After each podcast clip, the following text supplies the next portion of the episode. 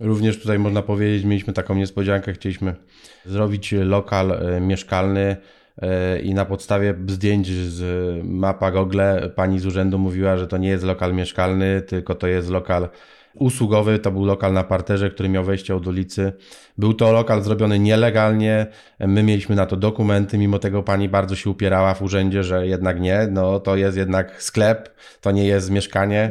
E, musieliśmy wyciągać przed kilkunastu czy tam kilkudziesięciu lat stare zameldowanie i udowadniać pani w urzędzie, że jednak tak, tam ktoś kiedyś mieszkał i na tej podstawie udało nam się wydzielić właśnie ten, ten, ten lokal na lokal e, mieszkalny. No i też to właśnie z takimi rzeczami trzeba się zmierzyć czasami, że mamy rację, mimo tego no nie do końca chcą z tą naszą racją się zgodzić. Słuchasz podcastu Inwestowanie w mieszkania, odcinek 20. Z tej strony Jeremiasz Gorzędowski. Czy można przeprowadzić tak skomplikowany projekt jak rewitalizacja kamienicy i nie osiwieć przy tym choć odrobinę? Wielu inwestorów uważa, że nie. Ale po usłyszeniu rozmowy z moimi dzisiejszymi gośćmi, nie jedna osoba będzie mogła zmienić swój punkt widzenia. Jak zabrać się za tak złożony projekt? Jakie niespodzianki techniczne i prawne mogą nas spotkać? Jak poradzić sobie z lokatorami, żeby wszyscy byli zadowoleni? I czy pojedynczy urzędnik może stanąć tam na drodze do sukcesu? O tym i wielu innych aspektach inwestowania w całe budynki rozmawiam dziś z Kingą Popiel i Maciejem Lipowiczem. To rodzeństwo, które od 2013 roku zajmuje się nieruchomościami. Z jednej strony Kinga, która przez 15 lat swojego zawodowego życia związana była z korporacją bankową, w pewnym momencie powiedziała dość. Zrobiła więc licencję pośrednika w obrocie nieruchomościami i założyła swoje biuro pośrednictwa. Ale i to nie przyniosło jej zamierzonej satysfakcji, więc zamiast wyszukiwać mieszkania na flipa czy na wynajem dla inwestora, sama zaczęła je kupować i remontować. Z drugiej strony Maciej, który już od szkoły chwytał się niejednej pracy. W młodym wieku wyszkolił się w dziedzinie elektryki, hydrauliki, stolarki, mechaniki samochodowej. W wieku 22 lat wyjechał do Francji, gdzie osiedlił się na kolejne 15 lat, dalej rozwijając swój fach w budowlance i mechanice. W pewnym momencie wspólnie założyli firmę i rozpoczęli swoją działalność w zakresie flipowania, remontów, podnajmu i przygotowywania mieszkań na wynajem dla siebie. W 2017 roku przyszedł czas na kolejny etap, czyli pierwszy projekt rewitalizacji kamienicy, którą przeznaczyli w całości pod wynajem dla siebie. Jak zawsze, wszystkie notatki i linki wspomniane w tym podcaście znajdziesz w opisie tego odcinka oraz na stronie inwestowaniewmieszkania.pl. Zaczynamy. Kinga, Maciej, witam Was serdecznie na łamach naszego podcastu. Cześć, witaj. Cześć. Będziemy dzisiaj oczywiście rozmawiać o kamienicach, e, o tym, co e, ciekawego znajdujecie w ich rewitalizacji, co Was w ogóle skierowało e, do, do tego tematu. Ale zanim zaczniemy, no to o te źródła chciałem Was zapytać, czyli no kiedy w ogóle zaczęliście zajmować się nieruchomościami? Jak to się stało, że, że trafiliście właśnie na ten temat rewitalizacji kamienic? No zaczęło się od tego, że zaczęliśmy tak naprawdę remontować mieszkania w kamienicach. E, pozyskiwaliśmy mieszkania e, do kapitalnych remontów, czy to dla siebie, czy to dla klientów. E, I w ten sposób jakby żeśmy nabierali doświadczenia w remontach tego typu mieszkań. Podobało nam się to, nie, nie, nie czuliśmy jakichś tam zagrożeń z tym związanych i, i myślę, że to tak, tak, tak to się zaczęło. Następnie mm, żeśmy doszli do wniosku, że zamiast kilku mieszkań robi w jednym miejscu, postanowiliśmy, że kupimy po prostu kamienicę i będziemy robić kilka flipów, kilka tych e, mieszkań w jednym, w jednym miejscu. Okay. I który to był rok, jak zaczęliście w ogóle temat nieruchomości realizować? E, no stricte zawodowo zaczęliśmy się za tym zajmować od 2013 roku. Okay. I to były wtedy, owszem, to były takie właśnie małe projekty, również to były też mieszkania również i w Wielkiej Płycie, e, mieszkania na wynajem dla klientów, e, więc no w ten sposób żeśmy zaczynali. Aha. A y, co sprawiło, że w ogóle trafiliście na nieruchomości? Skąd ta inspiracja, żeby nieruchomościami zacząć się zajmować? No mnie zainspirował Maciej, y, jeśli mam być szczera. Natomiast y, no ja potrzebowałam zmiany zawodowej jako takiej, także w dobrym, w dobrym punkcie Maciej zgłosił się z tym, że, że być może zajęlibyśmy się nieruchomościami, ponieważ ja zawodowo przez 15 lat zajmowałam się mm, bankowością, pracowałam w dużym banku w komórce rozliczeniowej, analitycznej. Zajmowałam się płatnościami zagranicznymi. I nie ukrywam, podobała mi się ta praca bardzo. Przez długie lata byłam bardzo zadowolona, natomiast w pewnym momencie zaczęła mi doskwierać bardzo mocno struktura korporacyjna. I z tego się chciałam wyzwolić i w jakikolwiek sposób zmienić y, charakter y, pracy zawodowej, właśnie z takiej korporacyjnej na, na jakąś inną. Niekoniecznie mi zależało, żeby zmienić branżę, tylko właśnie, żeby, żeby wymiksować się z korporacji. Także tak to wyglądało. Zaczęłam w ogóle nieruchomości od tego, że zrobiłam sobie kurs pośrednika nieruchomości i założyłam swoje biuro obrotu nieruchomościami. Okay. Natomiast to w ogóle nie była moja bajka. Okazało się, wbrew pozorom, Zupełnie, zupełnie się w tym dobrze nie czułam, także chyba po pierwszej sprzedanej w ogóle zamknęłam biuro i za, zaczęliśmy z Maciejem robić coś innego. Okej, okay, ciekawe, ale ten test był zrobiony w postaci tak. biura nieruchomości, odhaczone, można iść dalej. Tak, Okazało tak. się, że inwestowanie samemu, tak? Natomiast to, co... mi to bardzo pomogło, bo ja na tym mhm. kursie, y, y, bo tam kiedyś jeszcze trzeba było mieć licencję na pośredniku, więc tak, tak. trzeba było robić kursy i naprawdę bardzo dużo wiedzy takiej, takiej y, formalnej o urzędach, gdzie to załatwiać, jak, na co zwracać uwagę, bardzo mi to pomogło teraz. Wiem, y, wiem że, że taką, taki fundament to wyciągnęłam właśnie stamtąd, nie? Mhm. No, także nie żałuję. A u ciebie macie jak to było? Co przed nieruchomościami? No u mnie było trochę inaczej. No ja z branżą budowlaną to jestem związany praktycznie od, od, e, od lat najmłodszych. Jako młody chłopak, e, jeszcze chodzący do szkoły, to e, zatrudniłem się do, jako pomocnik hydraulika i tam właśnie uczyłem się trochę tego fachu od strony, od strony technicznej. Następnie po szkole wyjechałem za granicę, e, no i również za granicą. Głównym moim za, życiem zawodowym było, było praca na budowie. Na początku zacząłem troszkę na elewacjach, renowację elewacji robić, następnie dostałem się do dość dużej firmy elektrycznej. To była E, firma, która e, wykonywała swoje projekty na dużych budowach, na, na budowach deweloperskich. Tam również mogłem podpatrywać sobie inne ekipy, e, całą strukturę tego biznesu, jak to mniej więcej wygląda. Po kilku latach pracy tam właśnie mm, również kupiłem swój pierwszy dom, który był do kapitalnego remontu i jakby już na własnej skórze uczyłem się tego, tego, jak, jak prowadzić remont, e, czego, na co zwracać uwagę, e, jak to ogarnąć logistycznie. E, miałem zatrudnionych parę firm, również pomagali koledzy z własnymi rękoma. Starałem się zrobić jak najwięcej, tyle ile potrafiłem i w ten sposób tak przez te lata nabierałem doświadczenia w tej branży budowlanej i tak w pewnym momencie powstał pomysł, że, że trzeba zająć się tym tak stricte zawodowo, ale już nie E, bezpośrednio fizycznie, ale, ale właśnie inwestorsko i, e, i myślałem, my, zacząłem właśnie myśleć o, o prowadzeniu własnych, własnego biznesu w tym, w tym kierunku. Okej, okay, czyli w pewnym momencie zaczęło się z tej wiedzy własne inwestowanie w nieruchomości. Jak długo przygotowywaliście, czy flipowaliście pojedynczymi mieszkaniami, zanim trafiło do was jakby ta myśl, że trzeba się zająć swoimi budynkami. Jak, jak długo flipowaliście tak detalicznie można powiedzieć? Czy działaliście detalicznie? No ze cztery lata, tak detalicznie do, do naszej pierwszej kamienicy to, no to takie minęły cztery lata. Okej. Okay. Czyli po czterech latach stwierdziliście, że czas na pierwszy projekt. No to słuchajcie, jak się znajduje tą pierwszą kamienicę? Ona sama przychodzi, czy, czy trzeba ją znaleźć? Jak to było w waszym przypadku? Opowiedzcie proszę. No trochę jest tak, że ona sama przychodzi, ale to nie jest tak zupełnie, że ona przyjdzie sama, się pojawi i jest. E, no my wśród y, y, tych pośredników, wśród, y, wśród znajomych mówiliśmy, czym się zajmujemy. Oni wiedzieli, że robimy głównie mieszkania w kamienicach, że, że, że mamy to doświadczenie. Więc jakby E, szukaliśmy również po internecie, jak szukaliśmy mieszkań e, w kamienicach, to, to w pewnym momencie też żeśmy zaczęli po prostu poszukiwać całych budynków. I to tak naprawdę pierwsza, faktycznie pierwsza kamienica to przyszła dość prosto, bo to było też z internetu, natomiast to nie było tak, że, że całkowicie przyszła sama, jednak trochę żeśmy też poświęcili tego czasu na to, żeby, żeby szukać, żeby informować innych, inne osoby, czym się zajmujemy. E, więc to takie, takie, mi się wydaje, takie życiowe. Jeżeli czymś się zajmujesz, no to w pewnym momencie to do ciebie przyjdzie. Jakbyśmy zajmowali się, nie wiem, myślę, apartamentami dla bogatych ludzi, to pewno by takie apartamenty przychodziły. Natomiast jak się zajęliśmy tymi mieszkaniami w kamienicach, to, to tak te kamienice koło nas krążyły.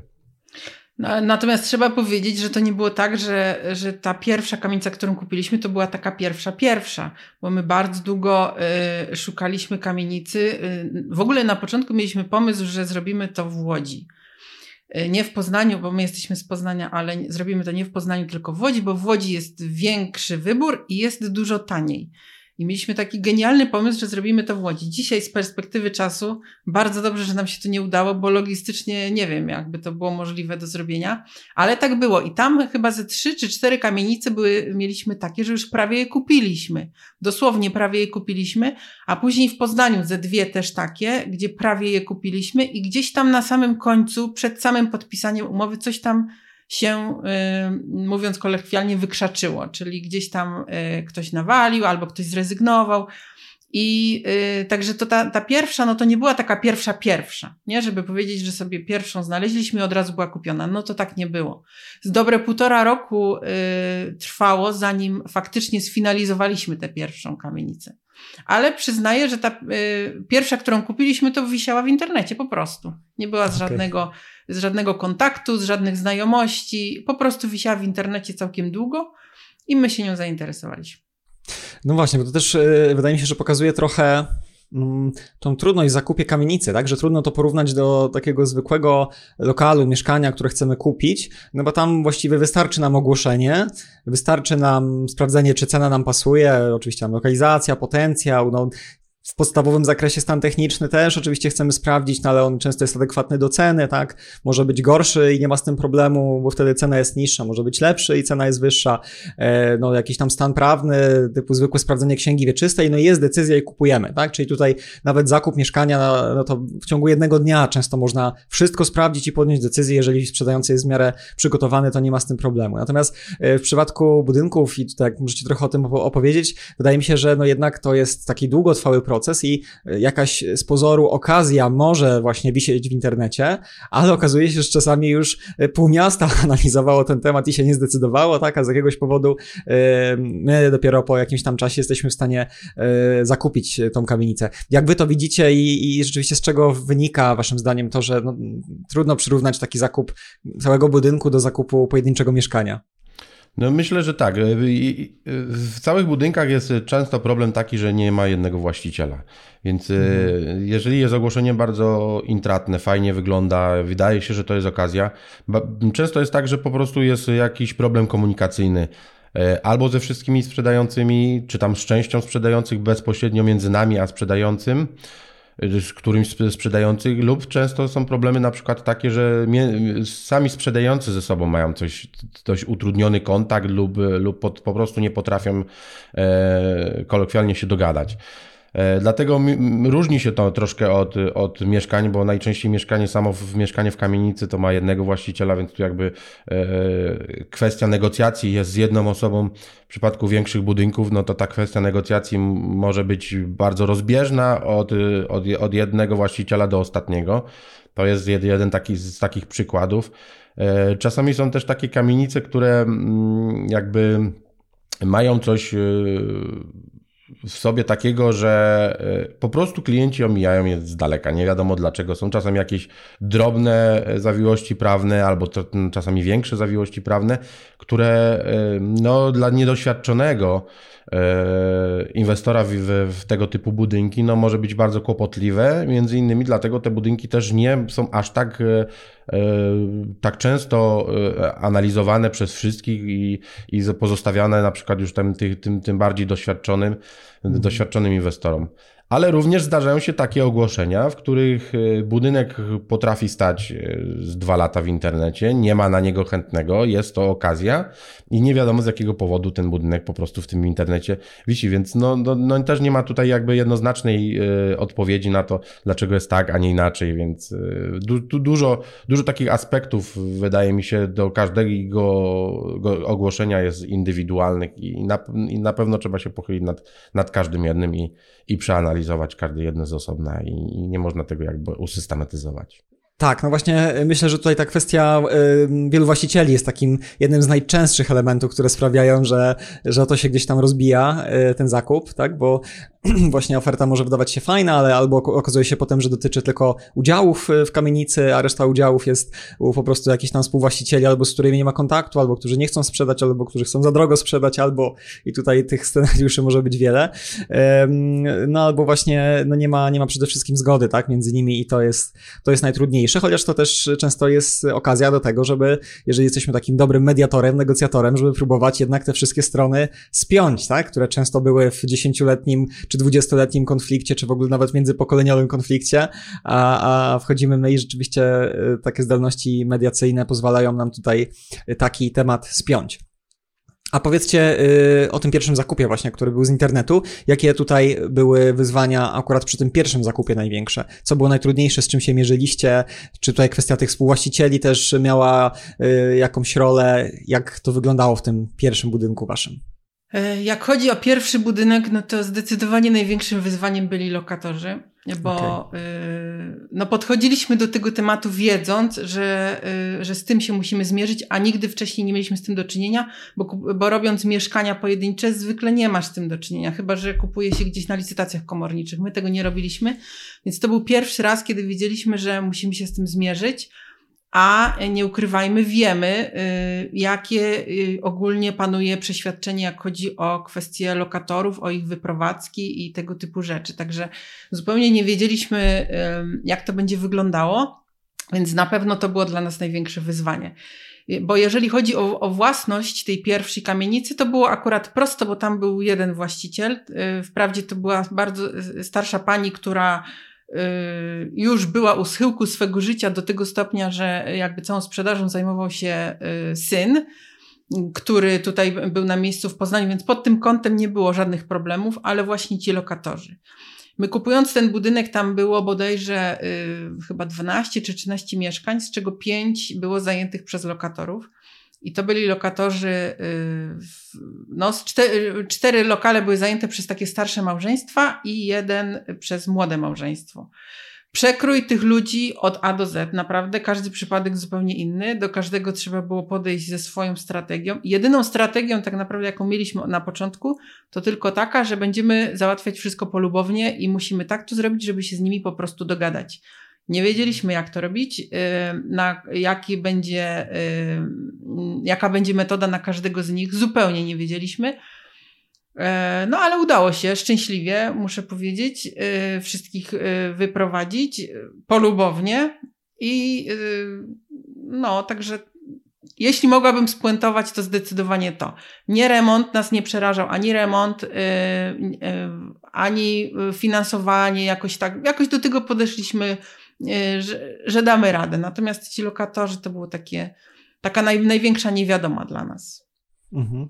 No tak, to rzeczywiście ten aspekt o tym wcześniej nie mówiliśmy, ale lokatorach to jest kolejny element, który mocno odróżnia e, takie standardowe zakupy tak. pojedynczych mieszkań na rynku. Oczywiście e, bywa i tak, że uczestniczymy w jakichś licytacjach komorniczych czy, czy, czy przetargach, gdzie tam jacyś lokatorzy e, już są, więc tutaj, no ale sytuacja jest jednak troszkę inna, tak, bo tam zazwyczaj jest jakiś dłużnik, a tutaj bardzo często są właśnie lokatorzy w kamienicach, którzy często mieszkają tam swoje całe życie, prawda, i, i mają takie poczucie, że to jest ich własność, tak? Oni tego nie tak. traktują jako umowę najmu, tylko no, to jest ich mieszkanie, prawda? I teraz jak to zrobić, żeby rzeczywiście, e, no jednak czasami przesadzić to stare drzewo, które już się zakorzeniło, tak w przenośnie mówiąc, no to, to, to jest duże wyzwanie. I to też myślę, że jest taki e, duży problem dla wielu osób, bo kojarzą to właśnie tak jak tutaj mówi, że mieliście cel, żeby polubownie to zrobić, tak? Sporo osób kojarzy to z takimi, no, negatywnymi emocjami, tak? Że jednak e, e, powstały te takie, no, niezbyt, tak, sklebiające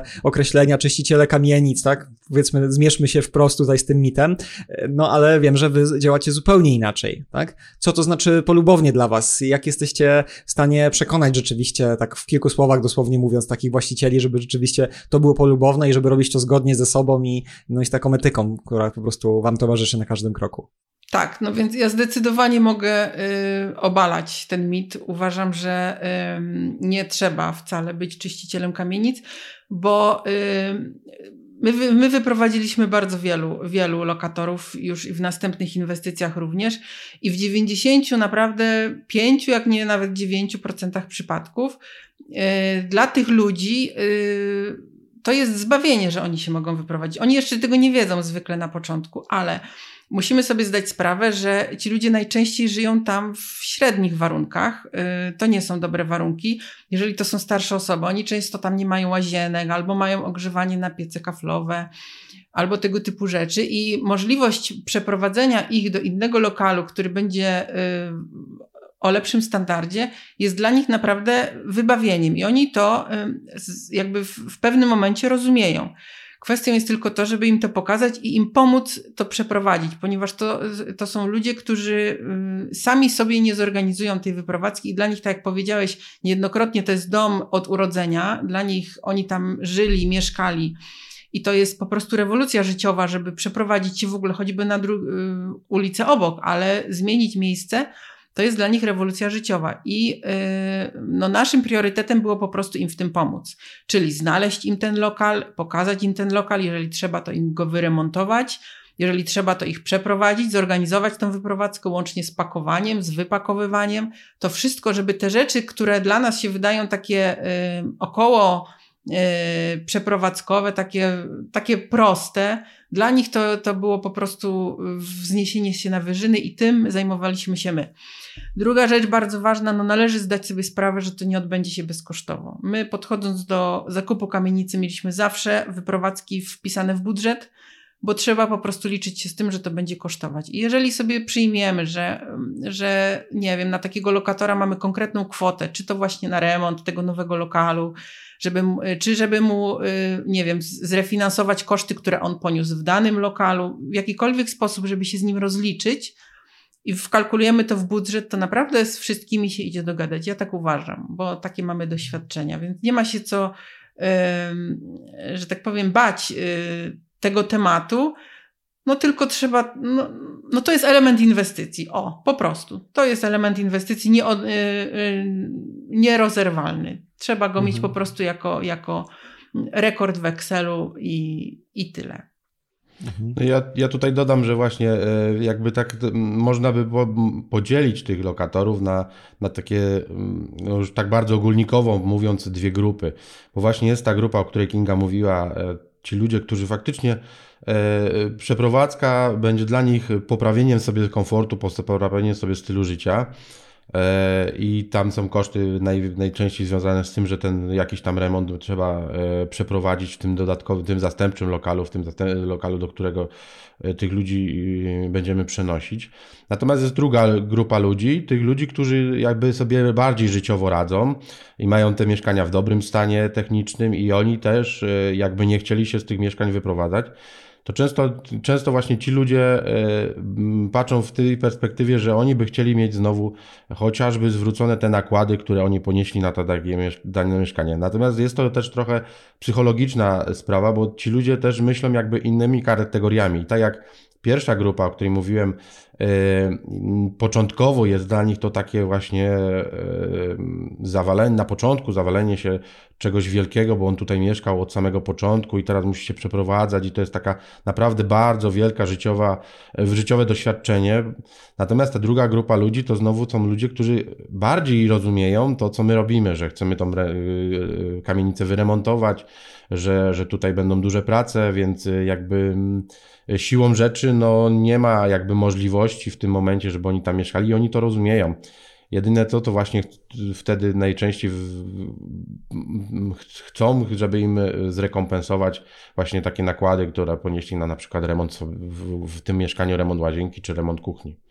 Mhm. Więc tak, tak by można podsumować jakby tak ogólnie te dwie grupy. Mhm. Jasne, tak, no to mm, tak jak o tym mówicie, no to myślę, że fajne połączenie z jednej strony właśnie tego Excela, tak, że musi być pewien budżet, no ale z drugiej strony za tym budżetem stoi, stoi człowiek, który ma swoją historię i, i tak trochę nie wiadomo, może na początku z jednej strony wydaje się, jak do tego podejdzie, ale ym, też mam taką obserwację, że w większości przypadków to jest tak naprawdę zmiana na lepsze życia takiej osoby, tak, bo bardzo często jednak tacy lokatorzy, którzy mieszkają od zawsze w danym mieszkaniu, no to te warunki mieszkaniowe no niekoniecznie są tak najlepsze, a jeżeli już są fajne, no to też nie ma problemu, żeby często zmienić na inne fajne, tak? Więc jest to rzeczywiście kwestia zawsze do rozwiązania. No dobra, a powiedzcie, jeżeli chodzi o tą pierwszą kamienicę, to y, mówisz Kinga, że właściwie to lokatorzy tak głównym tematem, że remont bez problemu, wszystko bez, inne elementy też bez problemu. Y, no i tak chciałbym trochę podrążyć, bo jakby rozumiem, że bez problemu, że sobie z tym poradziliście, ale czy to rzeczywiście tak było, że wszystkie inne aspekty dokładnie jak zaplanowaliście tak poszły, czy, czy jednak jakieś niespodzianki przy tej pierwszej kamienicy pewne były? Jeżeli tak, to co tam się takiego działo? Wiesz co, y, y, bardzo nas zaskoczyło y, na przykład podejście banków do, do tego typu inwestycji, bo my mieliśmy plan taki, że kupimy i będziemy się finansować w banku, będziemy robić remont na, na kredyt bankowy. Wychodziło nam w Excelu, że to jest super, w ogóle ekstra inwestycja, która będzie przynosić bardzo dobre zyski i w ogóle nam nie przyszło do głowy, że banki mogą nie chcieć czegoś takiego sfinansować. I tym, tymczasem y, zrobiliśmy wycieczkę po kilkunastu bodajże bankach, y, szukając, szukając finansowania pod tą inwestycję, i okazało się, że temat kamienic, czyli starych budynków do remontu, jest w bankach nie do przejścia. Oni bardzo negatywnie patrzą na tego typu inwestycje ogólnie, jako inwestycje bo uważają, że, no, że to nigdy nie wiadomo, jak się skończy, że remont nie wiadomo, jak się skończy, że tam jest dużo niespodzianek i tak dalej, i tak dalej. Mhm. I to takie, z tym żeśmy się mocno zderzyli y, właśnie już na etapie, na, na etapie tej pierwszej inwestycji, że, że to finansowanie okazało się zupełnie odwrotnie od tego, co oczekiwaliśmy. Nie? Oni docelowo ostatecznie udało nam się sfinansować y, tą inwestycję w banku, ale dopiero kiedy była skończona, i dopiero kiedy była już właściwie wynajęta, czyli taki gotowy produkt, to z czymś takim do banku jak najbardziej. Natomiast, żeby finansować to w banku mm, w trakcie, no to niestety nie. To tak z, moje, z mojego punktu mhm. widzenia. Natomiast technicznie przyznam, że właśnie pierwsza inwestycja o dziwo y, była najprostsza dla nas. Nie Maciej, powiedz może. Y, tam y, też, też jakby atutem było to, że robiliśmy ją dla siebie. To nie była kamienica, w której dzieliliśmy mieszkania pod sprzedaż, bo mamy takie doświadczenia w kolejnych inwestycjach i to jest zupełnie inna, inny rodzaj inwestycji. Ta pierwsza była dla siebie. My z góry założyliśmy, że chcemy sobie ją zostawić i no może dlatego było tak prosto. Tak, tak mi się wydaje. No, jednak, e, tak jak Kinga powiedziała, pierwszą kamienicę postanowiliśmy, że będziemy robić e, dla siebie i jakby e, powielaliśmy te, te, te projekty. Mieszkanie w, w poszczególnych piętrach były bardzo podobne. Mieliśmy jakby ten, na to cały całościowy plan. Można było logistycznie to sobie poukładać, można było sobie, jakby były gdzieś jakieś przestoje, przerzucić ekipy remontowe na, na, na następne lokale. Natomiast w budynkach następnych, no, na przykład przy drugiej kamienicy, to tak, to już jeżeli robiliśmy ją na, e, na sprzedaż, e, wydzielenie lokali i sprzedawanie tych lokali, no to tam już się zaczynały schody, no bo e, też można powiedzieć, że takim mm, minusem, jakim zrobiliśmy w tej, w tej, przy drugiej inwestycji było to, że, że zaczęliśmy sprzedawać mieszkania jeszcze w trakcie, e, w trakcie remontu tych części wspólnych, ale z możliwością wejścia ekip remontowych tych, w tych mieszkaniach. I to bardzo psuło logistykę. E, były problemy z materiałem, który, który my żeśmy gdzieś tam musieli składować i te ekipy remontowe swoje również chciały gdzieś składować. Były problemy z kontenerami, e, bo, bo było jakby tak można powiedzieć dorzucanie sobie do kontenerów więc takie du dużo było takich aspektów, których, o których, o których się, żeśmy się nie spodziewali, a które jednak się między, między mm, te prace tam wplątały. E, I, I zdecydowanie, jeśli chodzi o, o, o stricte robienie kamienicy na sprzedaż, to, to zdecydowanie e, tutaj mieliśmy większe doświadczenie e, z tymi niespodziankami, które, które, które nas napotkały, niż, niż w przypadku tej pierwszej kamienicy. Okej. Okay. A tak trochę kończąc już temat tej pierwszej kamienicy, przechodząc dalej, to jeszcze mam takie pytanie do Was. Jakbyście drugi raz robili ten pierwszy projekt, to czy macie takie jakieś wnioski, że coś byście zrobili inaczej? Jakoś inaczej poprowadzili tą inwestycję albo w innym zakresie jakieś zmiany wdrożyli, robiąc jeszcze raz pierwszy projekt rewitalizacji kamienicy? Nie. Jeśli miałabym tak się skupić tylko na tej pierwszej, to powielałabym dokładnie to, co zrobiliśmy tam. Y, to trochę jak małe, jak małe dzieci, tak bym porównała. Y, zrobiliśmy to bardzo intuicyjnie, i wyszło tak naprawdę najlepiej. To znaczy y, najsprawniej, o może nie najlepiej, ale najsprawniej nam to poszło. Tam się wszystko samo układało, jakoś tak y, nie było większych problemów, więc ja bym tam nie zmieniła nic, zupełnie nic. Maciej? Ja, myśl, ja, myślę, że tutaj też zrobiło trochę to doświadczenie, które mieliśmy już w kamienicach. Owszem, to nie jest to, ten sam remont, natomiast jakby ten aspekt takiego samego remontu wnętrza e, jakby już nie zabierał nam głowy, mogliśmy się skupić e, na tych nowych problemach, które się pojawiły, na no, nowych wyzwaniach e, z którymi mieliśmy do czynienia, więc wydaje mi się, że między innymi dlatego ten, ten pierwszy projekt tak dosyć łatwo, płynnie przeszedł. Natomiast przy, przy kolejnych, no to tak jak mówi, no na pewno nie chciał, nie, nie, nie proponowałbym, żeby wpuszczać ekipy remontowe zewnętrzne, Dodatkowo, y, no w przypadku tych mniejszych mieszkań, tam czasami tak jest, że ekipa, y, ekipa zatrudniona przez nas, ekipa remontowa potrafi zrobić wszystko, czyli od elektrykę, hydraulikę, malowanie. Tutaj, no niestety, ale musimy się korzystać z usług y, branżowców konkretnych, więc y, oni też muszą mieć dostęp do wszystkich lokali bez przerwy. No jednak jak wchodzi na jakaś tam ekipa remontowa, zostawia swoje narzędzia, już jest y, logistycznie to, to, to, to, to później trudne, bo oni nie chcą wpuszczać.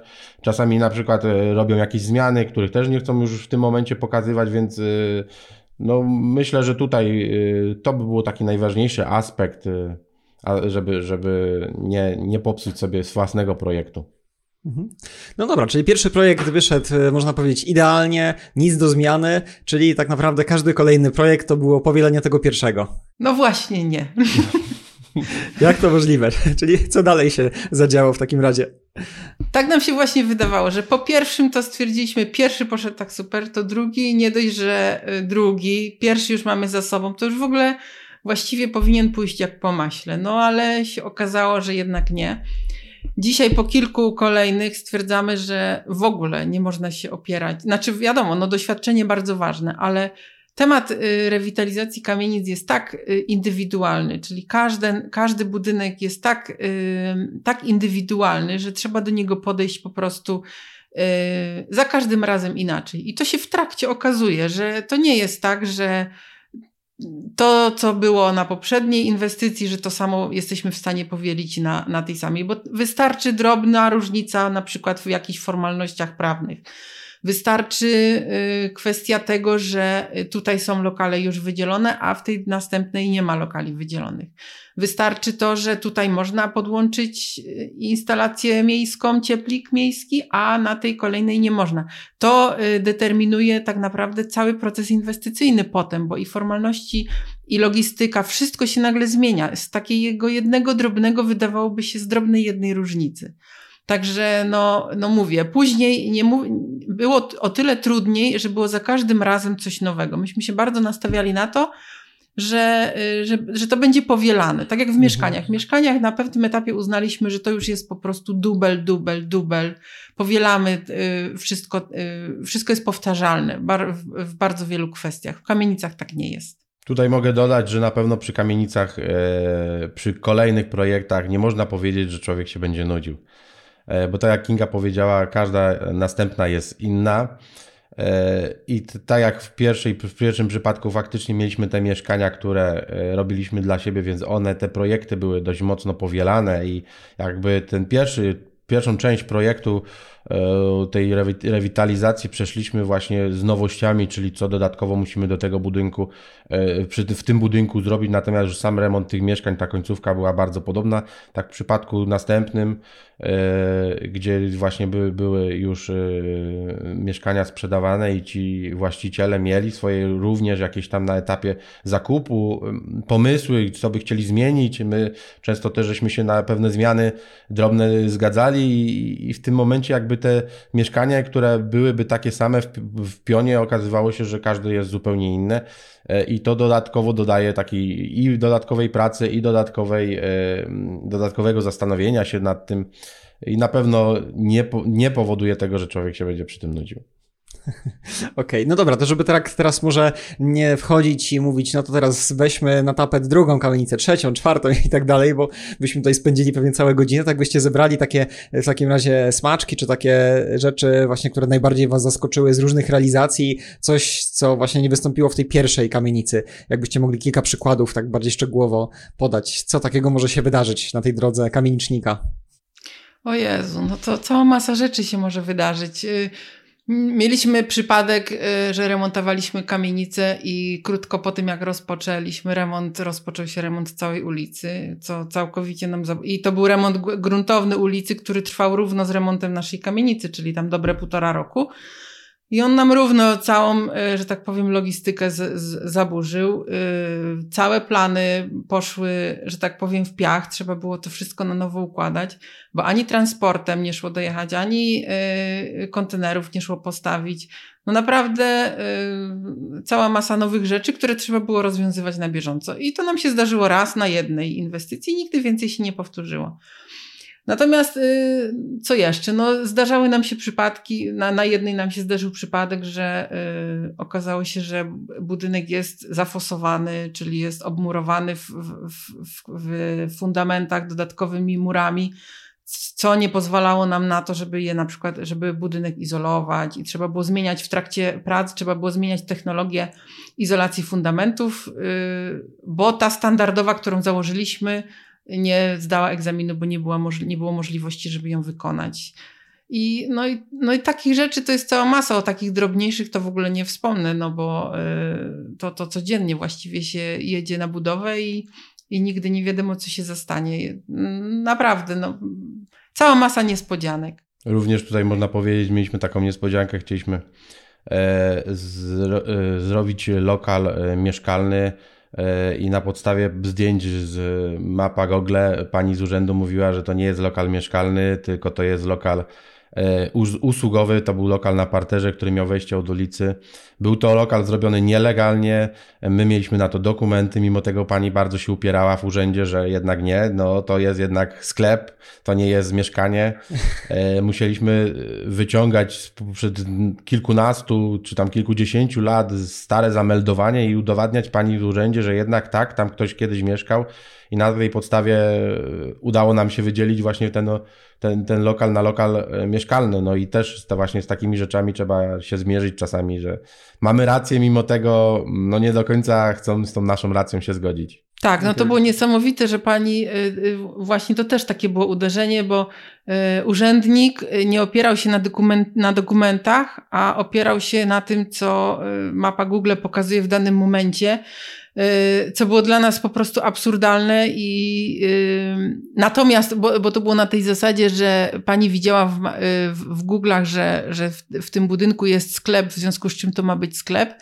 Natomiast nie, nie było żadnych dokumentów na to, żeby ktoś legalnie ten sklep tam zrobił, żeby ktoś kiedyś z mieszkania przekształcił lokal na sklep. W związku z czym my staliśmy na stanowisku, że to jest, y, że tak powiem, samowola. Nie było y, oficjalnego przekształcenia. Natomiast dzisiaj, jeżeli my chcemy ze z tego sklepu zrobić mieszkanie, to też nie możemy tego zrobić y, samowolnie, tylko musimy mieć na to jakieś, jakieś dokumenty.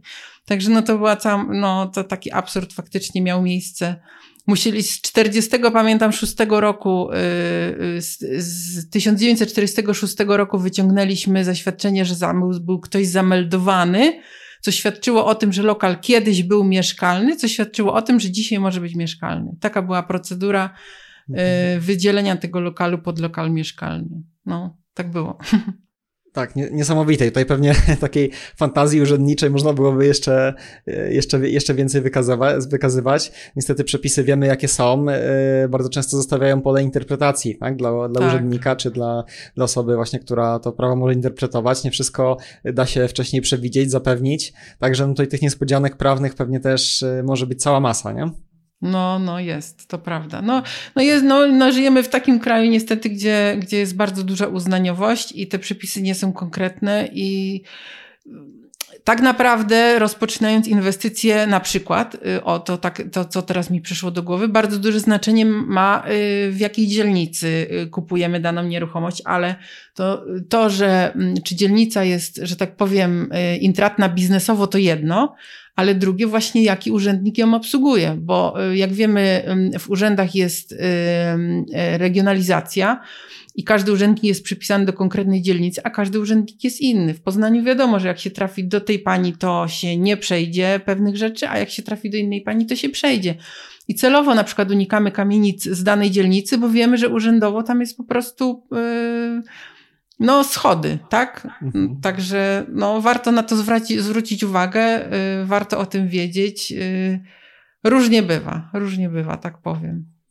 No tak, wydaje się, że y, bardzo często miasta tutaj promują się, że właśnie zapraszają inwestorów, że chcą ściągać biznes do siebie, tak, że chcą zapraszać indywidualne osoby, żeby rewitalizowały budynki, no ale potem niestety już na tym etapie urzędniczym, niestety, ale, ale różne kłody się spotyka, także to, to wiele takich historii słyszymy i słyszę i też y, takie mamy doświadczenia, że no niestety potem już na tym etapie takim konkretnym, jak już się działa, no to, to różnie, różnie bywa. A powiedzcie, a propos tych różnych problemów y, technicznych, prawnych, czy kiedyś e, podczas takiego projektu rewitalizacji spotkaliście się z takim problemem, którego nie przeskoczyliście, nie udało się przez niego przebrnąć i na przykład w związku z tym trzeba było zmienić pewne jakieś założenia biznesowe, no jakby wokół niego teraz y, zacząć działać, tak, bo, no bo to było coś takiego, co po prostu trzeba było zaakceptować? Czy była taka sytuacja? Techniczna, prawna? Ja sobie nie przypominam, ale no na pewno trzeba wziąć pod uwagę, jak e, w przypadku kamienic, no że tam jakby mamy na, na, już na etapie jakby kupowania kamienic czy podchodzenia do tematu, e, no to już mamy bryłę tego budynku i musimy się dostosować. I tam właśnie możemy się spotkać również z takimi niespodziankami, jak bardzo niewymiarowe mieszkania lub mieszkania w dość dziwnych kształtach. E, i tego nie jesteśmy w stanie w żaden sposób zmienić, więc e, to jest taki element, na który musimy zwrócić uwagę na początku. E, I myślę, że to są takie elementy, w których właśnie czasami jest problem, że, że, że mamy, albo przy starych inwentaryzacjach jakichś wydaje nam się, że coś fajnego z tego może wyjść, jednak no, do, po, po dokładnym zweryfikowaniu i po zrobieniu tak naprawdę inwentaryzacji na własne potrzeby, okazuje się, że wtedy musimy zmienić plany, ale myślę, że to jest na takim początkowym etapie i, i można się do tego w jakiś tam sposób przygotować. A czy takie faktycznie takie rzeczy, które mieliśmy w trakcie już, no to takie troszkę bardziej techniczne. No zdarzają się jakieś miejsca, w których e, musimy na przykład zmienić y, nasz pion, y, czy kanalizacyjny, czy wentylacyjny z jakiegoś tam powodu. E, zdarzają się na przykład takie e, historie, że robimy sobie inwentaryzację kominów i w taką, taką ogólną mówimy o dużo fajnych, dużo kominów, można zrobić dużo wentylacji. Okazuje się, że kominy dochodzą do drugiego piętra, dalej już tego komina nie ma. Więc no i to tak faktycznie wyjdzie w tym momencie jakby w trakcie, no bo e, pamiętajmy, że w kamienicach, tak jak na przykład w przypadku kominów, kominy są bardzo często dedykowane do konkretnego e, pokoju, konkretnego mieszkania. E, I mimo tego, że są budowane, w części są budowane do samej e, piwnicy, to one są jednak zamurowane w trakcie, więc na tym etapie taki początkowej, gdzie, gdzie jeszcze nie przeprowadzamy żadnych e, prac budowlanych, e, ta inwentaryzacja takiego, takich pionów kominowych zawsze będzie mm, niedogodna, nie do końca zgodna z, z rzeczywistością. E, a zakładamy, że jednak jak te kominy mamy do piwnicy, no to, to wtedy jakby możemy sobie też różne rzeczy zaplanować. No i to są takie niespodzianki, które techniczne, które właśnie wyskakują w trakcie. Myślę, że tyle, no bo stan techniczny, no to wiadomo, że no to, na to trzeba się też przygotować, że nie jesteśmy w stanie w 100% e, e, tego zweryfikować. Możemy się starać jak najwięcej e, znaleźć jakichś tam mankamentów, ale, ale zawsze jakaś tam niespodzianka nam się pojawi. No ale to, to myślę, że to można wkalkulować, wkalkulować i przede wszystkim przewidzieć, że, że takie sytuacje będą jednak miały miejsce. Mhm. Nie udało nam się teraz, y, tak sobie myślę, nie udało nam się uzyskanie y, finansowania z programu Kawka. Y, w Poznaniu funkcjonuje taki program na zmianę ogrzewania mhm. i my za każdy, przy każdej inwestycji udawało nam się załapać do tego programu i uzyskać środki, bo wiadomo, kupujemy kamienice z piecami kaflowymi, zawsze wymieniamy w nich ogrzewanie. I w tej ostatniej nam się nie udało właśnie dlatego, że y, jak się okazało, mm, nie mamy możliwości podłączyć się pod instalację miejskiego ogrzewania co na etapie zakupu w ogóle nie przyszło nam do głowy, bo kamienica w ścisłym centrum miasta, gdzie wszystko, cieplik miejski po prostu funkcjonuje, wszystkie budynki są podłączone. Nawet nam nie przyszło do głowy, żeby to sprawdzić, czy my będziemy mogli się podłączyć, bo to było dla nas oczywiste. Mhm. Okazało się jednak, że nie możemy się podłączyć i nie ma takiej możliwości, bo infrastruktura jest tam już za słaba y, i już kolejnych budynków nie podłączają i byliśmy zmuszeni robić instalację gazową y, z kotłownią gazową na strychu, co się wiązało z dodatkowym pozwoleniem na budowę, które trwało półtora roku, które skutecznie uniemożliwiło nam y, uzyskanie właśnie tego finansowania, bo o ile załapaliśmy się na ten program, bo spełniliśmy wszystkie wymogi, no to czasowo nie udało nam się nawet pozwolenia w tym czasie y, załatwić, a co dopiero wyrobić się z tym, żeby wszystko wykonać i, i zrobić odbiory i tak dalej. Także no tu była taka nasza bardzo duża, y, y, duży taki, no, no taka porażka. Mogę, no wiadomo, no nie nasza wina, ale, ale to, co nam się nie udało, nie? Dużo pieniędzy, mhm. bo mieliśmy w tam wtedy naprawdę tam chyba ze 150 tysięcy do wyciągnięcia z tego miasta, bo, bo to był duży budynek, no i się nie udało.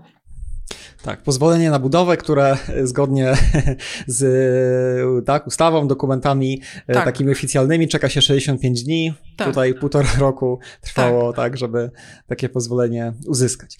No tak, no to są niestety te nieprzewidziane e, rzeczy, a przy tak dużych projektach pamiętajmy, że ten czas jest tutaj bardzo ważny, tak, no bo jednak jakieś tam finansowanie jest.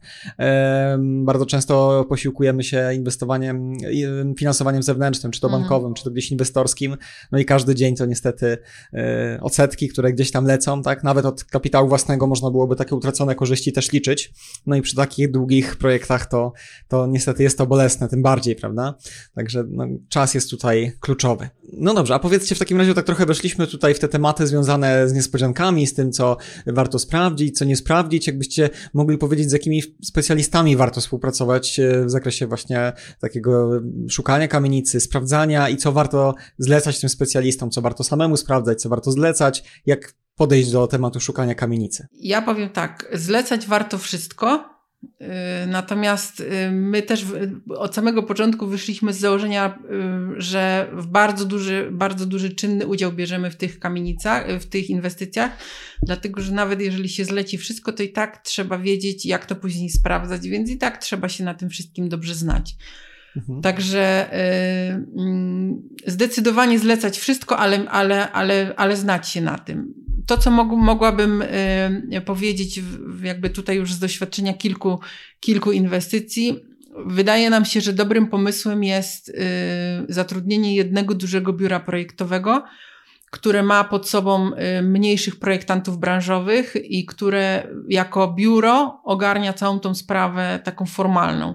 Bo my przerabialiśmy różne scenariusze, między innymi takie, że y, mieliśmy swoich branżowych y, projektantów i jednego głównego, który nam składał dokumenty do urzędu, no i to jakby bardzo ciężko to zgrać. Bardzo, nie dość, że dodatkowo nas to pochłania czasowo i, i po, zabiera naszą uwagę, to, y, to trudno to zgrać. Łatwiej zdecydowanie, jeżeli tam architekt ma swoich i to sobie sam wszystko opanuje. Y, myślę, że to wtedy sprawniej. Także zdecydowanie duże biuro architektoniczne, które ma pod sobą konstruktora, jakichś tam branżowców, projektantów, tego typu rzeczy. Okay. Natomiast y, my nigdy nie, nie, nie, stosowaliśmy rozwiązania z generalnym wykonawcą. Mm, jakoś tak zawsze my sobie prowadziliśmy tą inwestycję. Tak to wyglądało. Maciej, może powiedz coś więcej na ten temat. No myślę, że y, właśnie też y, na podstawie tych, tych projektantów, jak na początku żeśmy mm, mieli projektantów różnych, a, a że też ten budynek wtedy był dość mały, znaczy dość mały, no nie był tak, tak duży jak kolejne projekty i robiliśmy to dla siebie, więc tam mocno się zaangażowaliśmy sami i widzieliśmy, jakie są kłopoty właśnie między, e, z, z komunikacją między różnymi branżowcami, jeśli chodzi o projekty. Tak właśnie dlatego między innymi nie zdecydowaliśmy się nigdy później na, na, na generalnego wykonawcę, e, z takiego względu, że no na, na kamienicach jest dużo niespodzianek i, i to nie jest, w tym przypadku nie jest to do końca tak, że po prostu zlecimy coś i będziemy mieli święty spokój i tak będziemy mocno w to zaangażowani, więc wydaje mi się, że e, tutaj powód, powód był właśnie taki, że, że jednak cały czas na tej budowie trzeba być, czy trzeba być zaangażowanym, trzeba podejmować na bieżąco wszystkie decyzje, więc postanowiliśmy, że będziemy wynajmować, zatrudniać ekipy branżowe, jeśli chodzi o ekipy budowlane. Natomiast y, nie zdecydowaliśmy się na takiego głównego wykonawcę. Zastanawiamy się nad tym, czy by, żeby się nie wspomóc y, takim mm, inwestorem zastępczym, e, czy takim jakby inspektorem nadzoru. Trochę, tak, inspektorem nadzoru, taką dodatkową osobą, jakby, jak, która by nas wsparła trochę w tych technicznych rzeczach, bo faktycznie E, byle taka drobnostka i zawsze to trafia do nas, a, a mógłby on takie podstawowe rzeczy techniczne e, załatwiać te, z tymi większymi problemami, e, przychodziłoby do nas, bo faktycznie ogarniać i projekty, i dokumentację, i budowę, i transport, i, i całą logistykę i zaopatrzenie, no to jest masa pracy. I taka osoba wydaje mi się, że by nam w tym momencie bardzo mocno pomogła. Natomiast sam taki typowy e, wykonawca generalny, czy, czy, e, czy taka firma, która e, można powiedzieć w przypadku na przykład deweloperek buduje całe budynki, no to tutaj nie do końca ściągnęłaby na wszystkie problemy z głowy. Więc dlatego tak, taka, taka nasza droga. Warto też mieć fachowców y, z uprawnieniami takich, y, bo, bo no trzeba, trzeba mieć y, świadomość tego, że przy kamienicy, przy rewitalizacji jest bardzo dużo formalności do spełnienia, bardzo dużo dokumentów na początku, w trakcie, na końcu, wiecznie jest pełno dokumentów do załatwienia. I warto mieć na przykład, nie wiem, elektryka, który ma uprawnienia pod, do tego, żeby podbijać jakieś tam rzeczy, czy instalatora, czy kominiarza, no takich, których w przypadku pojedynczych mieszkań to, że on umie to zrobić, to nie wystarczy, nie? Warto, żeby miał też pieczątki, no bo tutaj musi być wszystko poparte dokumentami, papierami, a y, znaleźć takiego, który podbije pracę kogoś innego jest niezwykle trudno i, i szkoda na to czasu po prostu, więc warto od razu zainteresować się kimś, kto sam, że tak powiem, będzie miał możliwość tego, żeby te dokumenty tam podbijać, wypełniać i tak dalej. Ale jak chodzi o fachowców, to potrzebni są wszyscy. Tak naprawdę rewitalizujemy kamienicę od A do Z. Potrzebny jest po prostu każdy.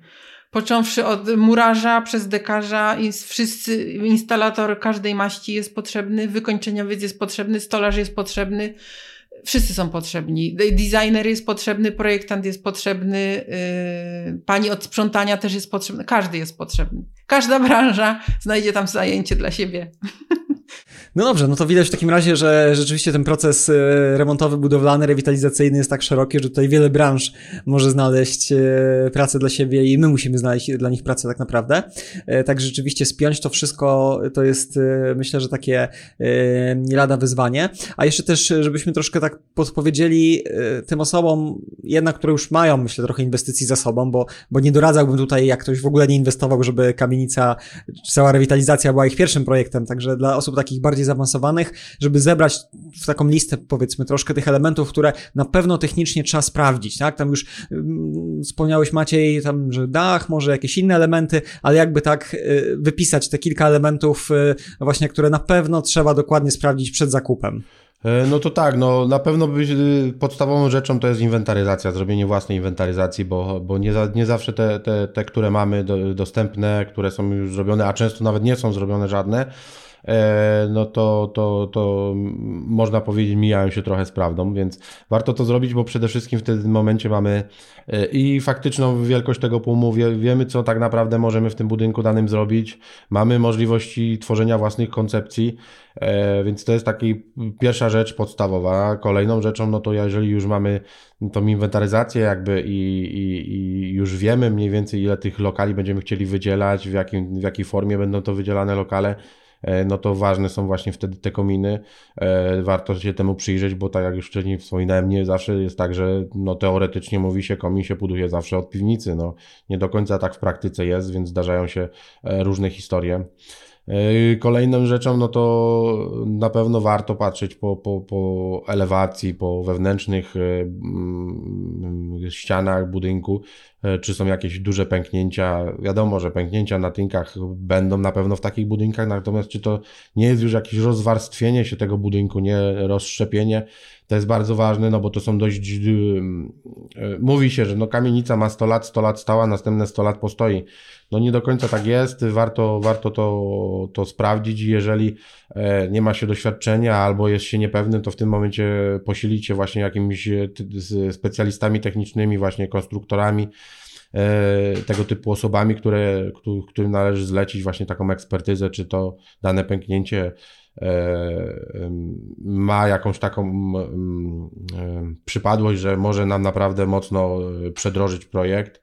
Wiadomo, stropy, no stropy w kamienicach w, w 90% to są stropy drewniane, najczęściej pouginane i to ugięcie generalnie występuje prawie zawsze. I teraz pytanie, czy to ugięcie z, z, tytułu tego, że po prostu już tak, tak, tak to wygląda, czy pod tymi naszymi deskami podłogowymi faktycznie już jest ta podłoga taka, te stropy, te belki stropowe nadają się tak naprawdę na wyrzucenie, więc warto robić też odkrywki E, na tyle, na ile można. Im więcej, oczywiście, tym lepiej. E, piwnice, warto zwiedzać piwnice przede wszystkim e, pod względem wilgotności, pod względem tego, jak tam, jak jest z wentylacją w takich piwnicach, czy faktycznie, no, też trudno to ocenić tak na pierwszy rzut oka, jak się wejdzie do piwnicy, w większości piwnicy, no po prostu jest wilgoć i, i to jest taka naturalna rzecz, natomiast E, nie zawsze ta wilgoć e, jest spowodowana tym, że te mury bardzo mocno ciągną z ziemi tą wodę. Może to być po prostu właśnie słaba wentylacja, słaba e, cyrkulacja powietrza w takich miejscach, więc no to jest też bardzo ważne.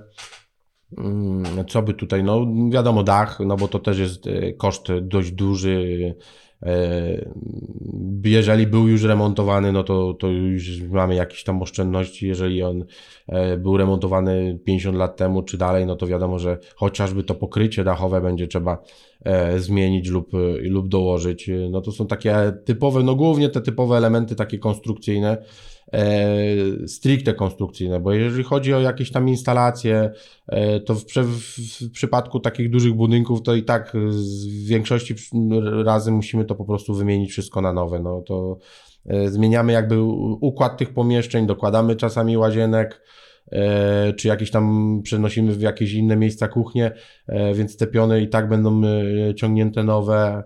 E, stare i tak na, na ogół są żeliwne, często bardzo już e, mało drożne albo, albo no mają jakieś tam swoje mankamenty, przecieki, więc to w większości i tak są elementy do, e, do wymiany, więc jakby tutaj na tym mocniej się nie skupiał. Instalacje w takich budynkach elektryczne również są najczęściej aluminiowe, to, to nadaje się też tak naprawdę do, do wymiany. Więc y, ja bym generalnie skupił się na, na, na takim stanie technicznym, konstrukcyjnym budynku. E, wierzba dachowa, e, stropy, mury i fundamenty. To jest taka, taka podstawa i najważniejsza moim zdaniem rzecz. Natomiast zresztą to jednak można trochę tak e, podejść trochę łagodniej. Tak, no rzeczywiście ta lista zdecydowanie wykracza poza to, co, o czym mówimy przy pojedynczych mieszkaniach, także troszkę tego jest. No i tak jak mówiliście, no wymaga to doświadczenia, najlepiej samemu na tym się jak najlepiej znać, bo yy, najlepiej, no bo jakby jest to takie mm, bardzo konkretne źródło informacji, natomiast no warto korzystać ze specjalistów, którzy jednak yy, też no, mają często tą wiedzę, przynajmniej na start, dużo większą niż my i, i będą w stanie na pierwszy rzut oka pewne rzeczy wychwycić, czego my nawet nie zauważymy, tak, czy dopiero po odkrywkach byśmy zauważyli. A powiedzcie, bo jeszcze poruszyłeś taki temat Maciej yy, stuletnich kamienic na przykład, tak? No właśnie, część osób y, obawia się, że y, wielka płyta, która kilkadziesiąt lat temu raptem była robiona, zaraz się rozleci, a co dopiero kamienice, które często są stuletnie, tak? Jakie wy macie doświadczenie, jakie podejście, co z tymi budynkami, które mają 100 lat, jak długo one szanse mają jeszcze przetrwać i w ogóle jak, jak oceniacie tutaj kwestię tego stanu technicznego i, i długości życia takich budynków właśnie już stuletnich na przykład? Ja powiem tak, również w kamienicach są budynki, które są naprawdę w bardzo dobrym stanie technicznym i budowane z bardzo dobrych materiałów. E, I, I jakby no tak po takim wstępnym, wstępnej analizie nie jesteśmy w stanie tego tak naprawdę e, sprawdzić. E, natomiast no, takie doświadczone oko, tak jak mówiłeś, e, czy, czy jakieś osoby z większym doświadczeniem e, i potrafi wyłapać pe pewne mankamenty albo potrafi wyłapać, czy faktycznie ten budynek jest budowany z tych lepszych materiałów, bo, bo też musimy sobie to powiedzieć, ale kamienice były, mimo tego, że były w tym samych latach budowane, też były budowane z różnych materiałów, tak jak się to robi dzisiaj. To nie jest tak, że jak była budowana tam w, po wojnie, to, to była budowana naprawdę z mocnych, mocnych, lepszych albo jakichś tam mm, już takich e, nowocześniejszych materiałów. No nie do końca tak jest, bo potrafią być budynki nawet e, z poprzedniego wieku, znaczy nawet z dwóch poprzednich wieków i, i, i być zdecydowanie w lepszym stanie technicznym niż niejedna kamienica z lat 50. E, więc y, no, w ten sposób y, bym powiedział, że no, no, trochę indywidualna sprawa tak naprawdę.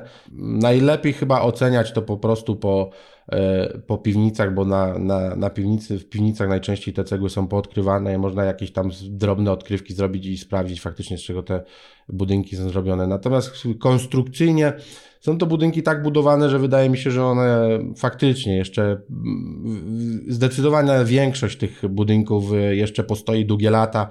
Jest to tak jak potocznie się mówi stara technologia i, i, stara technologia dobrze się sprawuje, więc myślę, że tak, że no, zdarzą się pewno takie budynki, które będą w gorszym stanie, natomiast w większości te kamienice jednak potrzebują odrestaurowania, odnowienia, natomiast taki element konstrukcyjny to zdecydowanie jeszcze, jeszcze długo, długo postoi.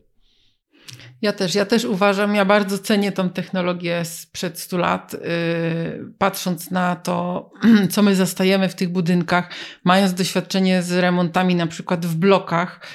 Nie znam się dokładnie na takich najnowszych technologiach dzisiaj w budownictwie, ale uważam, że yy, ta technologia zbudowania budowania budynków ze zwykłej cegły to naprawdę nie, przez długie lata nie miała sobie równych. Dzisiaj te budynki, które my zastajemy, one w parterach potrafią mieć y, mury o grubości pół metra, tak? No, znajdźcie mi dzisiaj budynki budowane z takimi, z takimi murami. Mm, tam jest dużo lepsza akustyka zawsze, tam jest dużo, lepsze, y, dużo lepsza przepustowość powietrza, tam jest naturalna zawsze klimatyzacja latem. Są takie uwarunkowania, których nie ma w, w, w dzisiejszej, w, w, budynkach dzisiaj budowanych. Tego, tego się nie da podrobić. Tak samo te stropy, y, one są wprawdzie drewniane, ale, ale y, wypełnienie między tymi belkami stropowymi też dzisiaj nie ma takiego, takich y, materiałów, które by zastąpiły te typowe polepy, które były kiedyś budowane. I każdy fachowiec o tym mówi, że, no, że, że dzisiaj nie ma już po prostu takich, takich materiałów. Więc ja sobie, czy, czy stolarka okienna, czy drzwiowa, no tego już nie ma. Tego nie ma. Jak, jak to jest możliwe, żeby drzwi na przykład y, drewniane wytrzymały 100 lat? Nie. No to jest, y, naprawdę to jest, jak się człowiek tak zastanowi, kto to kiedyś zbudował y, z własnymi rękami, bo przecież i, i, i, i maszyn nie było takich jak dzisiaj, jak ktoś to budował ręcznie i to do dzisiaj stoi, to jest naprawdę niesamowita rzecz. Ja bardzo, bardzo cenię to i uważam, tak jak Maciej, że to przetrwa jeszcze, jeszcze długie, długie lata. Jeśli coś jest zniszczone, to tylko ręką człowieka najczęściej, a nie konstrukcją samą w sobie, bo technologia, konstrukcja jest ok, a to, że ktoś o to nie dbał, nie wiem, zalewał i tak dalej, i przez to yy, kamienica stoi w ruinie, no to już jest jakby ręka człowieka, nie? Tak, tak. No to ja też oczywiście zadałem to pytanie, ale podpisuję się tutaj pod Waszą opinią i, i też y, inwestuję mm, właściwie tylko w kamienice, widząc właśnie tutaj tą monumentalność y, tych budowli, tak, właśnie tą grubość y, murów, to, że to są budynki zazwyczaj w sumie no, niewysokie, tak, dwu, trzy, cztero, pięciokondygnacyjne, tak, więc no to nie jest też tak, że, że nie wiadomo jak ten budynek jest wysoki, czyli nie wiadomo jak duży ciężar powiedzmy tutaj jest oparty, chociaż oczywiście grubość murów też też tutaj swoją tą masę robi. Natomiast no widać rzeczywiście, że dobrze utrzymany budynek e, no po prostu no, nie starzeje się, tak? Czy nie starzeje się w tym sensie, że, że on jest coraz słabszy, coraz gorszy, tylko rzeczywiście jest w stanie wytrwać bardzo dużo. Oczywiście, że pewne jakieś nakłady e, takie rewitalizacyjne są konieczne, czasami założenie jakichś kleszczy, tak? Które będą spinać e, powiedzmy jakieś tam ściany budynków, natomiast no, no rzeczywiście wykonanie robi wrażenie. No i też patrząc, no może nie po naszych miastach, tak? Tak, ale po takich miastach, gdzie, gdzie miały szczęście no nie być zniszczone przez, przez jakieś działania wojenne, tak, że takie budynki no kilkaset lat też są w stanie tak wytrzymać i, i rzeczywiście trwać. Także no, stan techniczny rzeczywiście, o ile jest to tylko zadbane, myślę, że jest bardzo dobry, a w momencie, kiedy tak jak wy rewitalizujecie całość, no to tak naprawdę wiadomo, że wszystkie elementy, które trzeba zrobić, które trzeba jakoś tam odrestaurować, czy wzmocnić, no to to po prostu jest robione, co sprawia, że, że można powiedzieć, że taka zrewitalizowana kamienica spokojnie kolejne 100 lat, no to bez problemu będzie w stanie mm, pewnie przetrwać i jeszcze dłużej. Hmm? Dokładnie.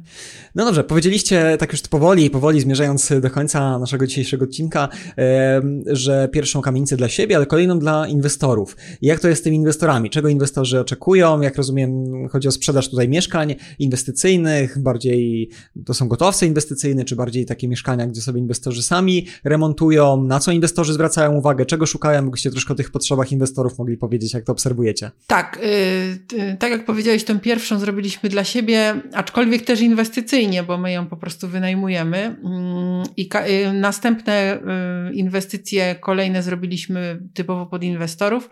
No na co zwracają uwagę? My kupujemy kamienice w ścisłym centrum dużego miasta, tak? Także to jest y, produkt typowo inwestycyjny. Poznań w naszym przypadku, Poznań mówiliście. W Poznaniu, tak, Poznaniu. tak, tak mhm. dokładnie w Poznaniu. No i tak jak już wcześniej powiedzieliśmy, trochę tak było, że każdy projekt robiliśmy innym scenariuszem.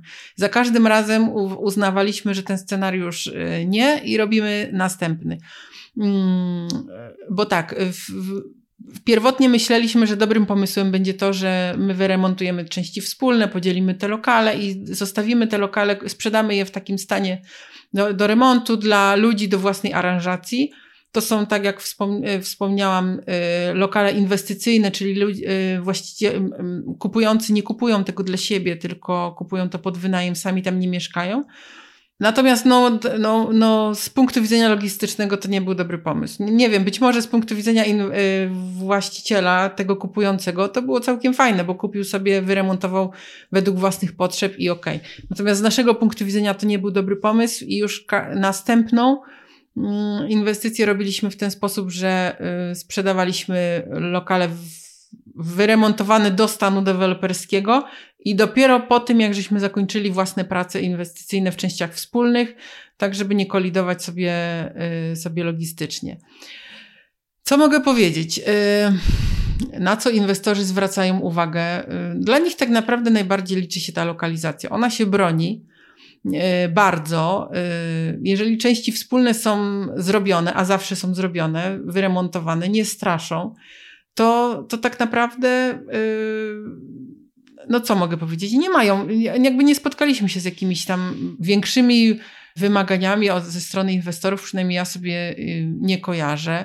Jeśli robimy y, y, gotowca, y, bo, bo również zajmujemy się tym, że robimy gotowce dla inwestorów, czyli kończymy im po prostu te lokale pod klucz, no to mamy takich klientów, którzy po prostu życzą sobie zrobić tak, jak my uznamy to za stosowne i, i jest mhm. ok. Także czy ja wiem, one są, powiem tak, te kamienice są zawsze na tak wysokim poziomie, raz ze względu na lokalizację, dwa ze względu na wykończenie, że tak naprawdę tutaj yy, wydaje mi się większych wymagań mieć już nie można. To w, w ramach swojego lokalu to już każdy robi po swojemu, a tutaj, jeżeli chodzi o budynek, no to, y, to, to spełniamy wymogi chyba na najwyższym poziomie. Tak mi się wydaje, sądząc po feedbacku, jaki tutaj dostajemy od inwestorów.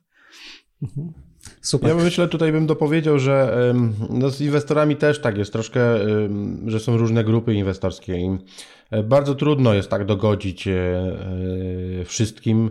Niektórzy na przykład mają zastrzeżenia do, to, do, do sposobu po montażu instalacji, na przykład czy centralnego ogrzewania, czy wody. Jedni by chcieli, żeby to było jak w wielkiej płycie, inni by chcieli, żeby to było scentralizowane na na klatkach schodowych, że dlaczego liczniki są na klatkach, albo nie w mieszkaniu, albo na odwrót, że dlaczego są w mieszkaniu, a nie, a nie, a nie na klatkach, czy infrastruktura właśnie internetowa, a dlaczego jest e, przy tablicy, a nie na tej ścianie. No to są takie takie, takie rzeczy, które naprawdę już bardzo, bardzo indywidualnie powstają i, i, wydaje mi się, no nie jesteśmy w stanie tak naprawdę wszystkim inwestorom dogodzić, e, żeby było tak jakby pod nich. Myślę, że również, również to samo mają i deweloperzy. No jak budują budynek, no to mają jakiś tam projekt i, i wielokrotnie e, inwestorzy kupujący e, później jakieś tam zmiany wprowadzają i tu jest myślę podobnie, więc też E, myślę, że troszkę no, te takie wymagania tych klientów i jakieś takie e, uwagi no, musimy też sobie e, brać pod uwagę, ale nie do końca tak się z nimi zgadzać lub, lub, lub brać, brać mocno sobie do głowy ze względu na to, że mówię, no nie jesteśmy w stanie tak naprawdę zadowolić wszystkich, więc no, jak to się mówi, jeszcze się taki nie narodził, sobie wszystkim dogodził, Dokładnie ale to, że robicie tak. już kolejną inwestycję z rzędu y, i tak naprawdę każde kolejne inwestycje są kończone, no to jednak y, sprzedaż tych mieszkań jest, inwestorzy chcą od was kupować, y, są zadowoleni, no bo to skoro kolejne projekty są realizowane, to powiedziałbym, że widać, że ta wypadkowa ogólnie jest na plus, a to, że każdy ma tam jakieś swoje indywidualne właśnie przyzwyczajenia, że właśnie te liczniki albo na klatce, albo w środku, albo gdzieś, no to wiadomo, że każdy te, te przyzwyczajenia będzie miał i gdzieś tam je przekładał na swoje przyszłe inwestycje, natomiast no to, że to już jest kolejna inwestycja i kolejna i kolejna, no to widać, że, że jest na plus i tak jak rozumiem, to jakiś kontakt możemy tutaj do Was zostawić e, w opisie tego odcinka. Jeżeli ktoś chciałby fajne mieszkania w rewitalizowanej kamienicy w Poznaniu, to może Was zapytać, czy akurat czegoś ciekawego nie macie. Jasne, rozumiem. zapraszamy. No jasne. Hmm. Super, super. No dobrze, słuchajcie, to tak e, w takim razie, tak jak mówiłem, zmierzamy do końca. E, jeszcze chciałbym dwa pytania e, Wam tutaj zadać. Pierwsze, ktoś chce się zająć tym tematem. No, gdzie tak naprawdę szukać wiedzy? Czy po prostu trzeba najpierw przejść przez ten etap mieszkań?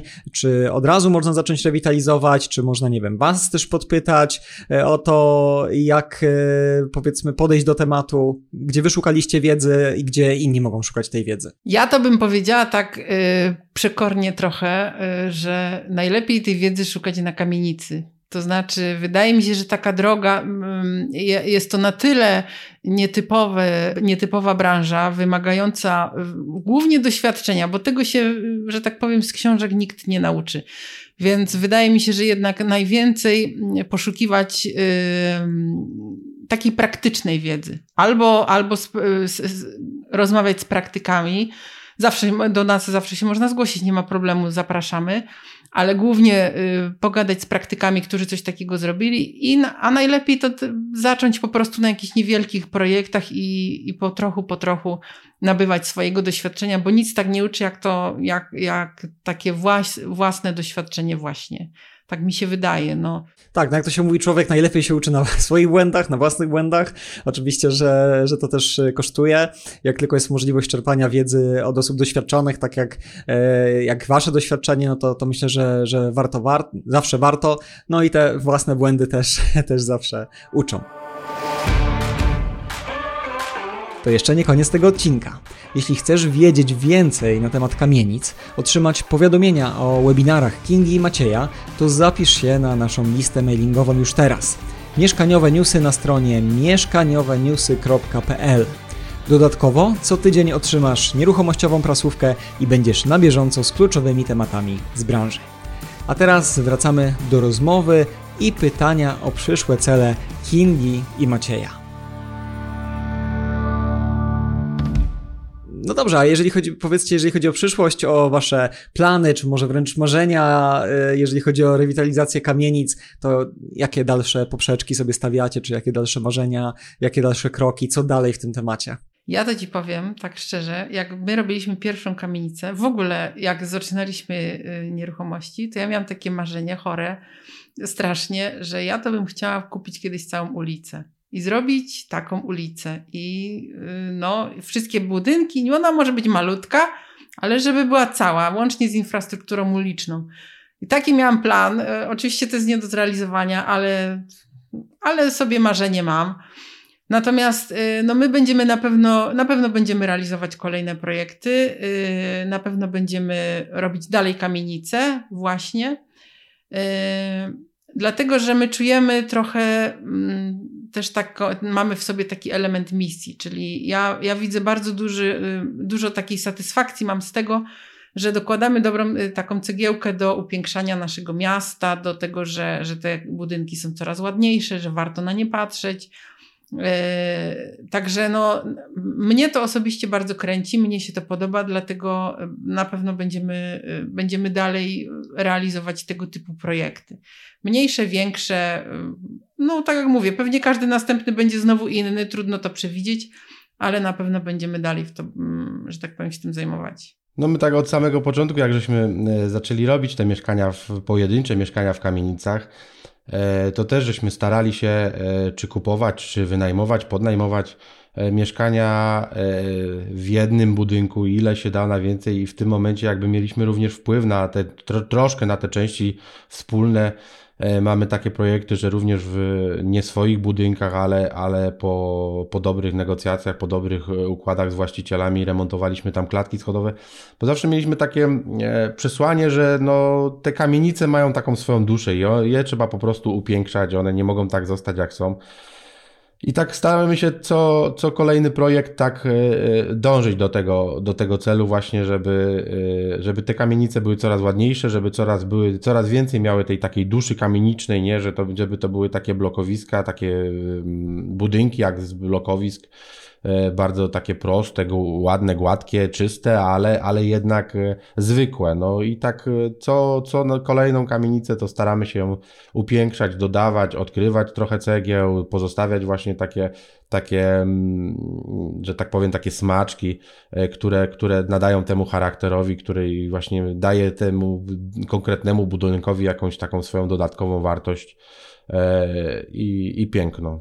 Super, super, bardzo fajna sprawa, że towarzyszy temu też misja, ta satysfakcja z e, rewitalizowania tych kamienic, bo myślę, że, że to jest też taki motor, bardzo duży motor napędowy, który właśnie może sprawiać, że działacie dalej, dalej, dalej, mimo tego, że tak naprawdę jest to bardzo trudny temat. Tak jak opowiadaliście przez cały odcinek o tym, to naprawdę można było odnieść wrażenie, że no, są pewne problemy, ale można po prostu je przejść, trzeba iść do przodu, no trudny remont, trudne części wspólne, ale po prostu yy, trzeba to realizować dużo osób właśnie na tym etapie już e, stwierdza, że to nie jest dla nich, że to jest za trudne, że jest zbyt stresujące. Mając taką misję, o której mówicie, no to myślę, że, że jest dużo łatwiej i przez to też można iść do przodu dzięki temu. Tak, masz rację, to na pewno. dokładnie tak. Na pewno to dodaje trochę energii do tego, żeby, żeby jednak e, chcieć i, i mimo problemów, jakie się pojawiają, e, jak później wchodzą ludzie z ulicy i, i, i zaczepiają i mówią, jak tu jest ładnie, kto to zrobił, to, to człowiekowi się robi bardzo miło i, i na pewno dodaje to energii do, do, dalszej, do dalszego działania. Super, super. No, Kinga Maciej, bardzo Wam dziękuję za merytoryczną rozmowę. Naprawdę bardzo, bardzo dużo ciekawych aspektów poruszyliście. Życzę Wam wszystkiego dobrego w kolejnych rewitalizacjach i do usłyszenia, mam nadzieję, w kolejnym odcinku. Dziękujemy bardzo, bardzo. Do usłyszenia. Za nami ogromna dawka wiedzy i czuję, że dzisiejszy odcinek będzie dla wielu naszych słuchaczy bardzo inspirujący. Jak mieliście szansę usłyszeć, temat rewitalizacji kamienic jest równie obszerny, co satysfakcjonujący, zwłaszcza jeśli mamy do niego odpowiednie nastawienie oraz oczywiście wiedzę. Jeśli po wysłuchaniu wszystkich historii Kingi i Macieja czujesz się teraz zbyt przytłoczony, to być może jest to dobry czas, żeby jeszcze najpierw pomyśleć o kilku kolejnych flipach i remontach mieszkań w kamienicach.